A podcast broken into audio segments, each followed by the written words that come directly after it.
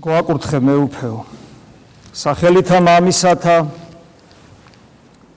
და ძისათა და სული საწმინდისათ რა თქმა უნდა დღევანდელი დღე განსაკუთრებულია მთელი საქრისტიანოსათვის და რა თქმა უნდა განსაკუთრებულია ჩვენი ტაძრისათვის. ამე თუ ჩვენი ტაძრის დღე სასწაულია და შესაბამისად ყველანი ქრისტიანი პასუხისგებლობით ვიშჭალებით და ერთ-ერთი მთავარი რაც უნდა გავაკეთოთ როგორც ყოველ დღეს სასწაულზე, ასევე დღევანდელ დღეს. ეს არის გაცნობიერება იმისა, თუ რამდენად ჩემ ცხოვრებაში შემოდის ეს დღესასწაული და რამდენად ვახერხებ მე რომ გავითავისო, რამდენად ჩემს ყოველდღიურობაში მას აქვს გავლენა. ხომ არ არის იგი царსულში დარჩენილი რაღაც გარკვეული მოგონება, რომელიც თუნდაც კეთილი, ლამაზი, მშვენიერი, საღვთისმეტყველოდ უაღრესად საინტერესო, მაგრამ თუ ჩემ ცხოვრებაში მას აზრი არ აქვს, თუ ჩემ ცხოვრებაში მას გავლენა არ აქვს, მაშინ გამოდის, რომ ამ ხელა დღესასწაულით ჩემს გვერდზე ჩაივლის. ერთი რამე უნდა ვიცოდეთ, რომ ჯვარი, ჯვარი ქრისტესი, ანუ ღვთის განკაცება, როცა ვამბობთ ჯვარი ქრისტესი, გულისხმობთ ღვთის განკაცებას და ღვთის განკაცება არის იმ ხელა საიდუმლოება, რომ ნებისმიერი მცდელობა რაციონალურად ავხსნათ, თუ რასთან აგვაქვს საქმე, როგორ წესი არის შეუძლებელი. ამიტომ сахарებიდან დაწყებული, მოციქულთა განმარტებიდან დაწყებული, 2000 წლის განმავლობაში ეკლესია უამრავჯერ ცდილობდა და ცდილობს დღესაც განმარტოს ჯვრის საიდუმლოება, მაგრამ მისი ბოლომდე ამოხსნა შეუძლებელია, იმიტომ რომ იგი სულიერი ცხოვრების პრაქტიკით, ღმერთთან პიროვნული ურთიერთობით, საკუთარ თავში ჩაღმავებით ხდება, რომ ეს საიდუმლოება მეტნაკლებად შეიძლება ჩვენთვის გასაგები გახდეს. ერთი რამე უნდა ითქვას, რომ როდესაც ჩვენ საუბრობთ სულიერ ცხოვრებაზე და რელიგიურ ცხოვრებაზე ზოგადად, როგორც ასეთი, ჩვენ გვაქვს ეს განწყობა, რომ სულიერი ცხოვრება, რელიგიური ცხოვრება, ღმერთთან ურთიერთობა, ღვთისადმირწმენა გვაძლევს ჩვენ ძალას, გარკვეულს და წმენიდან გამომდინარე გვაძლევს სიბრძნეს. და საერთოდ უნდა ითქვას, რომ ნებისმიერი ადამიანისათვის, გინა ამ სოფლის ღირებულების მქონე ადამიანისათვის, თვით ურწმუნოსათვისაც კი, აი ეს ორი ღირებულება, ძალაცა და სიბრძნე ძალიან მნიშვნელოვანია. ძალიან მნიშვნელოვანი ყოფიერების აუცილებელი ინსტრუმენტებია. ყოფიერების აუცილებელი ინსტრუმენტები. მაგრამ ქრისტიანობაში, ანუ ზეციური მოქალაქეებისათვის, მას განსაკუთრებული დატვირთვა ენიჭება. აი ჩვენ როგორც წესი ვცდილობთ ხოლმე რომ წმინდა წერილიდან გარკვეული ამონარიდები აღმოვიკითხო და ამის შესაბამისად ვიმსჯელოთ ამის შესახებ. აი მაგალითად ვკითხულობთ გალატელთა მიმართ ეპისტოლეში. ხოლო ჩემთან უიყოფინ სიქადული გარნა ჯვარითა უფლისა ჩვენისა იესო ქრისტესით. რომლისათვისაც სოფელი ჩემდა მოჯვარს მულარს და მე სოფლისადმი. აი აქ ჩვენ ხედავთ რომ ვახსენეთ რა ზეცის მოქალაქეობა რომლისათვისაც ასევე მნიშვნელოვანი ინსტრუმენტებია ძალა და სიბრძნე ამ შემთხვევაშიც ჩვენ ხედავთ რომ ზეცის მოქალაქეობა არის რა ერთ-ერთი უმთავრესი მიღწევადი, მიუღწეველი ჩვენთვის, მაგრამ მისაღწევი ღირებულება, იმიტომ რომ პავლე მოციქული პიტაპირ ამბობს, რომ ჩვენ აქ სამყოფელი არ აგვაქვს, ჩვენ ზეცის მოქალაქენი ვართ და ეს არის ჩვენთვის უმნიშვნელოვანესი, იმიტომ რომ ჩვენ ყველაფერს რაც არ არის მარადიული, რასაც არ აქვს მარადიული ღირებულება, ჩვენ ვცდილობთ რომ ეს გულიდან გავდენო და ხოლო ჩვენმა ხელებმა აკეთოს აკეთოს ესეთი რამ, რასაც მარადიული ღირებულება არ აქვს. და აი ამ შემთხვევაში ჩვენ ხედავთ პავლე მოციქული გვეუბნება, რომ ჩემსა და ამ სოფელს შორის ამ სოფელს შორის, რომელიც მე მართმევს, ცდილობს თავისი აგრესიულობით წამართვას მარადიული ღირებულება, ჩემსა და ამ სოფელს შორის ჩადგა ქრისტეს ჯვარი. სოფელი ჩემდა ჯვარცმულვარს, ჯვარცმულარს და მე სოფლისა. და ამიტომ ხშირად გვითხოვს, რომ სოფლის, ამასოფლის, ამასოფლის სული უნდა მოკვდეს ქრისტეს ჯვარზე ჩვენთვის და ჩვენი ვნებებიც ასევე უნდა მოკვდეს ჯვარზე და ჩვენ ამით ვიძენთ ყველაზე მნიშვნელოვანს ადამიანურ ადამიანურ ღირებულებათა შორის. ამ სოფელს აღარ აქვს ჩვენზე არც ამ სოფელს არც ჩვენს ვნებებს აღარ აქვს ჩვენზე ძალადობის შესაძლებლობა ანუ ჩვენ ვიძენთ თავისუფლებას ანუ იმისათვის რომ მე ვიყო თავისუფალი უდიდესი როლი აქვს ქრისტეს ჯვარს კიდევ ვიმეორებ სადაც ყდება როგორც ჩემი ვნებები ანუ ის რაც მე მაზიანებს როგორც ქრისტეს ხალხსა და მსგავს და ამავე დროს ყდება ამასოფლის სული და მას ჩემამდე არ უშვებს. ასევე ვკითხულობთ რომ სიტყვა ჯვრისა ჯვრის შესახებ უგუნურებაა წარწმედულთათვის ხოლო ჩვენ ხსნილთათვის ძალა არის ღვთისა. ჯვრისად ანუ რას ნიშნავს ეს? ეს ნიშნავს იმას რომ ჯვრისადმი დამოკიდებულება აჩვენებს ქრისტიანის შინაგან სამყაროს, ქრისტიანის სულიერ მდგომარეობას. ნახეთ როგორ არის ჯვრის შესახებ სიტყვა უგუნურებაა წარწმედულთათვის. ანუ მე თუ არ მესმის ეს საიდუმლოება, უბრალოდ მოდი ასე ვთქვათ, არ გვესმის, მაგრამ თუ ეს საიდუმლოება ჩვენთვის არ ამოიხსნა, თუ ჩვენი გონიერებისათვის ჩვენ გონიერი არსებანი ვართ, ისე გარდავიცვალეთ, რომ ჯვარი როგორც საიდუმლოება დარჩა ჩვენთვის გაუგებარი და ერთგვარი უგუნურება და სისულელე, ეს ნიშნავს, რომ ჩვენი გახთობის პროცესი არ დაწყებულა. ასევე ვკითხულობთ, სადაც დაწერილია შეუმუსრავ ბძენთა სიბზნეს და გონიერთა გონიერებას უკუაგდებ. სად არის ბძენი და სად არის წიგნობარი ან ამასოფლის მაძიებელი?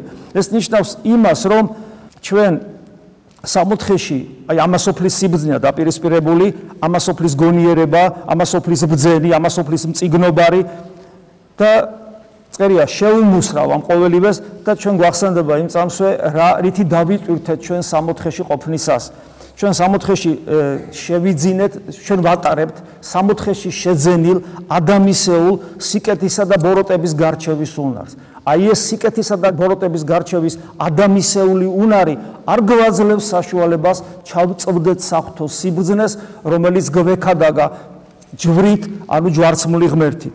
და უფალი ამბობს შეუმუსრავ ბძენთა სიბძნეს. აი ეს ძალიან მნიშვნელოვანია, რომ გვახსოვდეს, რომ ჩვენ ხშირად ჩვენ რითი რითი манипуლირებთ, რითი რითი შევიცნობთ სამყაროს, რითი ვაკეთებთ დასკვნებს, რითი ვორიენტირებთ საკუთარი სიმართლის განცდით, კეთილისა და ბოროტების გარჩევის უნარით, მაგრამ ეს არის ადამიანის მემკვიდრეობა, რომელიც სამწუხაროდ არ გვაძლევს საშუალებას ჯვარცმული ღმერთი შევინეცნოთ. ამიტომაც აგზელებს პავლე მოციქული, რომ განა უგუნურებათ არ აქცია ღმერთმა სიბრძნე ამ ქვეყნიური. ადამიანს აქვს შინაგანად პროტესტი ხშირად, რომ რატომ არის ამ ქვეყნიური სიბრძნე უგუნურება? იმიტომ რომ ამ ქვეყნიური სიბრძნე, როგორც ყველაფერი ამ ქვეყნიური, როგორც კი გარდავიცვლებით დასრულდება და მას არ გააჩნია მარადიული ღირებულება.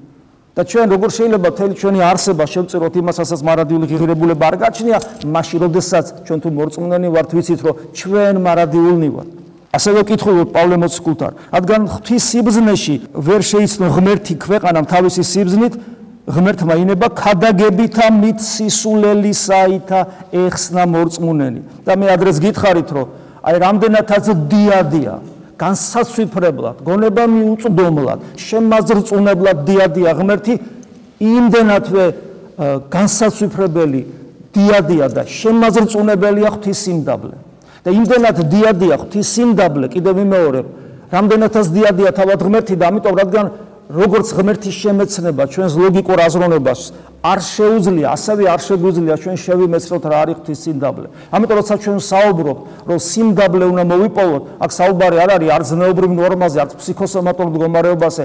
ერთადერთი, ერთადერთი რაზეც არის საუბარი, რითაც ჩვენ შეგვეძლება რომ ვიფიქროთ, რომ სიმდაბლისკენ მიდივართ, ეს არის ქრისტე ჩვენში და არა სხვა რამე. ამიტომ როცა ადამიანები უგულებელს ყოფენ ქრისტიანულ მისტიკას, უგულებელს ყოფენ შინაგან სულიერ ცხოვრებას და უნდათ რომ ზნეობრივი ნორმებით მოახდინონ კომპენსირება თავიანთ ერთმანეთი ცოდვილი ბუნებისა და ამით რაღაც წარმატება ქონდეთ სულიერ ცხოვრებაში, ასეთი მდგომარეობა არის აბსოლუტურად წარუმატებელი, იმიტომ რომ მხოლოდ ქრისტე ჩვენში, მხოლოდ გონება მიუწვდომელი სიმდაბლე ჩვენში არის გარანტია იმისა, რომ ჩვენ ნელ-ნელა ქრისტეს დავემსგავსებით.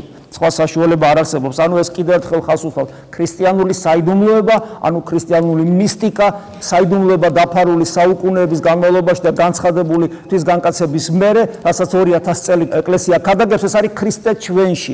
ცოცხალი განკაცებული ღმერთი ჩვენში, ჩვენ როგორც ღვთის ტაძარი.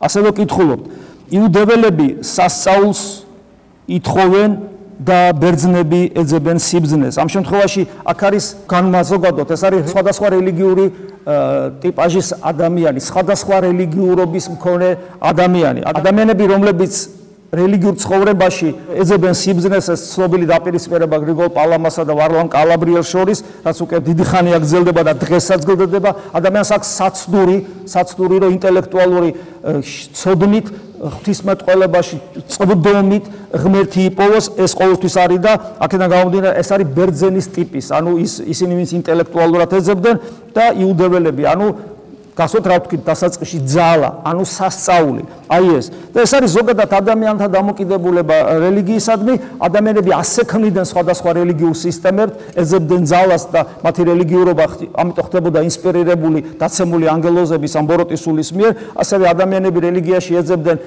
მხოლოდ ფილოსოფიას, ანუ ინტელექტუალურ სიბრძნეს და აქედან ასევე იქნებოდა რთული რელიგიური სისტემები, მაგრამ რა თქმა უნდა და და ეს არაფერი კიდევ ვიღაცა ქმნის, რომელსაც გამოცხადება არ ქონია სახთო. ყველაზე ტრაგიკული არის ის, როცა ეკლესიაში მყოფი ადამიანი როდესაც რომელსაც მას აქვს წვდომა საიდუმლოებასთან, ღვთისმსახურების უდიდეს საიდუმლოებასთან ღმერთი გამოჩნდა ხორცითა, აი ამის მიუხედავად იგი თავის სულიერ ცხოვრების რეალიზებას ახდენს თეოლოგიურ თეორიულ სიბრძნეში და მუდამ არის და თუ ამის უნარები არ აქვს, მაშინ მუდამ არის გამშვალული რაღაც სასწაულების მოლოდინით, რომ ღმერთი ღმერთს როგორმე ხელი მოკიდოს და ღმერთი მას დაეხმაროს, იყოს მისი ძალა და მისი შემწე ამ ქვეყნიურ ცხოვრებაში და ამ ქვეყნიური პრობლემების მოგვარებაში. ხოლო ჩვენ კი ამის ამის საპირისპიროდ პავლე მოციქული ამბობს, ჯვარცმულ ქრისტეს ხადაგებთ. და ჯვარცმული ქრისტე აი ამგვარი რელიგიური ადამიანებისათვის, იუდეველებისათვის, ვინც ძალას ეძებენ სარწმუნოებაში, ძალას, ღონიერ ღმერთს, მათთვის სასაცტურია, ხოლო ბერძენთათვის, ანუ იმგვარი ადამიანებისათვის, ვინც ინტელექტუალურ სიბრძნეს ეძებენ, სისვლელია. ამიტომ აი დღესაც, აი მე-20, 21 საუკუნეში, დღესაც ჩვენ ვხედავთ ხშირად ირონიულ დამოკიდებულებას ცოცხალი რწმენისადმი. მათ შორის, მათ შორის ეკლესიაში არსებულ ინტელექტუალებიდან, რომლებიც თავს თეოლოგიებად აცხადებენ, ზოგადად ეს შეიძლება იყოს სასულიერო პირი, შეიძლება იყოს ერისკაცი, ამას მნიშვნელობა არ აქვს და აი აქაც ეს ხდება, ეს ცოცხალია, ეს ფარისეულური სული, ასეთ სულს ქრისტეს შემეცნების უნარი არ აქვს. თორე ასეთ ასეთ რელიგიურობას მარადიული პერსპექტივა არ აქვს. ხოლო სინამდვილეში სისულელე, აი ბერძენთათვის სისულელე ვთქვი, ხო, მაგრამ სისულელე ღვთის კაცთა სიბძნეზე უფრო ბძნულია, როგორც პავლე მოციქული კვლავ აგზელებს კორინთელთა მიმართ ეპისტოლეში და უძლურება ღვთის კაცთა ძლიერებაზე უფრო უფრო ძლიერია, რადგან რომელიც არიან მოწოდებულნი, ანუ ხმობილი მათთვის ქრისტეა ღვთის ძალა და სიბძნე. და პრაქტიკაში, ანუ ჩვენთვის, როცა ვსაუბრობთ ძალა და სიბრძნე, რითაც თავიდან დავიწყეთ საუბარი, და ეს არის ყველაზე მნიშვნელოვანი ჩვენთვის. ეს პრაქტიკით განიცდება და ერთ-ერთი რაშიც ის თავს ავლენს, ეს არის ის, რომ ჯვარმა დაგვანახა, რომ აზრი აქვს სიკვდილს.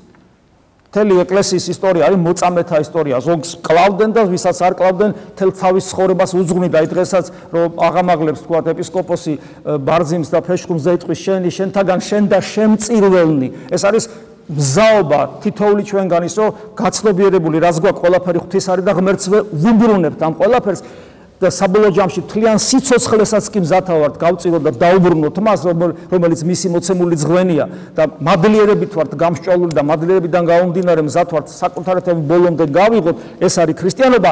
აი ამგვარ თავგანწირვას.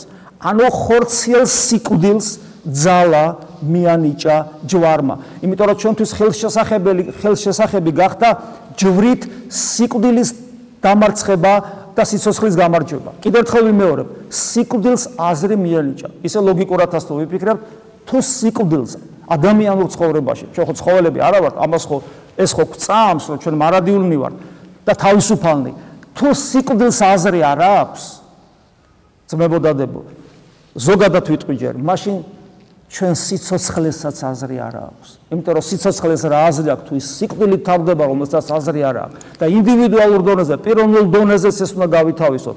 თუ ჩვენ პიროვნულ დონეზე არ გავითავისოთ, თუ ამი არ ვიტყვი რომ ჩემ სიკვდილს აქვს აზრი და მადლობა ღმერთს ამისათვის, თუ ჩემ სიკვდილს აზრი არ აქვს, ჩემს გარდაცვალებას აზრი არ აქვს, მაშინ არ ჩემ სიცოცხლეს აზრი არ აქვს და ეს ქრისტიანს ხდის უძლებელს და ეს უძლებელობა უძლებელობა. სიკვდილზე გამარჯობა, სიკვდილზე როგორც ბოლომტერზე გამარჯობა, როგორც პავლე მოციქული ამბობს, მომიტანა განკაცებულმა ღმერთმა თავის ჯვარცმით. ამიტომ ჯვარი ჭეშმარიტად ძალა ღვთისა, რომელმაც ყველაზე მთავარი მტერი სიკვდილი დაამარცხა და რომელმაც ყველაზე მთავარი მარადიული სიცოცხლე მომიტანა. დღევანდელი დღით ამას აღნიშნავ, ამას ვზეიმობ. კიდევ ერთხელ მადლიერებით განვისჭავლებით ღმერთის მიმართ, რომელმაც ასე შეგვიყვარა და აი ამგვარად გამოხატა თავის სიყვარული ჩვენს მიმართ და რა თქმა უნდა ჩვენ კიდევ ერთხელ პასუხისგებლობით გვტვირთავს, რომ კიდევ უფრო მეტად ჩაუღმავდეთ თუ რა არის ქრისტიანობა, რა არის სულიერი ცხოვრება, რას ნიშნავს სულიერი ცხოვრების პრაქტიკა, რას ნიშნავს შინაგანი ცხოვრება და კიდევ ერთხელ გამოვაფხიზლოთ საკუთარი თავი და კიდევ ერთხელ მოვახდინოთ აქტუალიზება ნათლობის დროს დადებული აღთქმისა და შეუდგეთ ჩვენს ჯვარცმულ ქრისტეს. ამინ. მადლი უფლისა ჩვენისა იესო ქრისტესი და სიყვარული ღვთისა და მამისა და ზიარება სული საწმინდისა იყოს თქვენ ყოველთა თანა. ამინ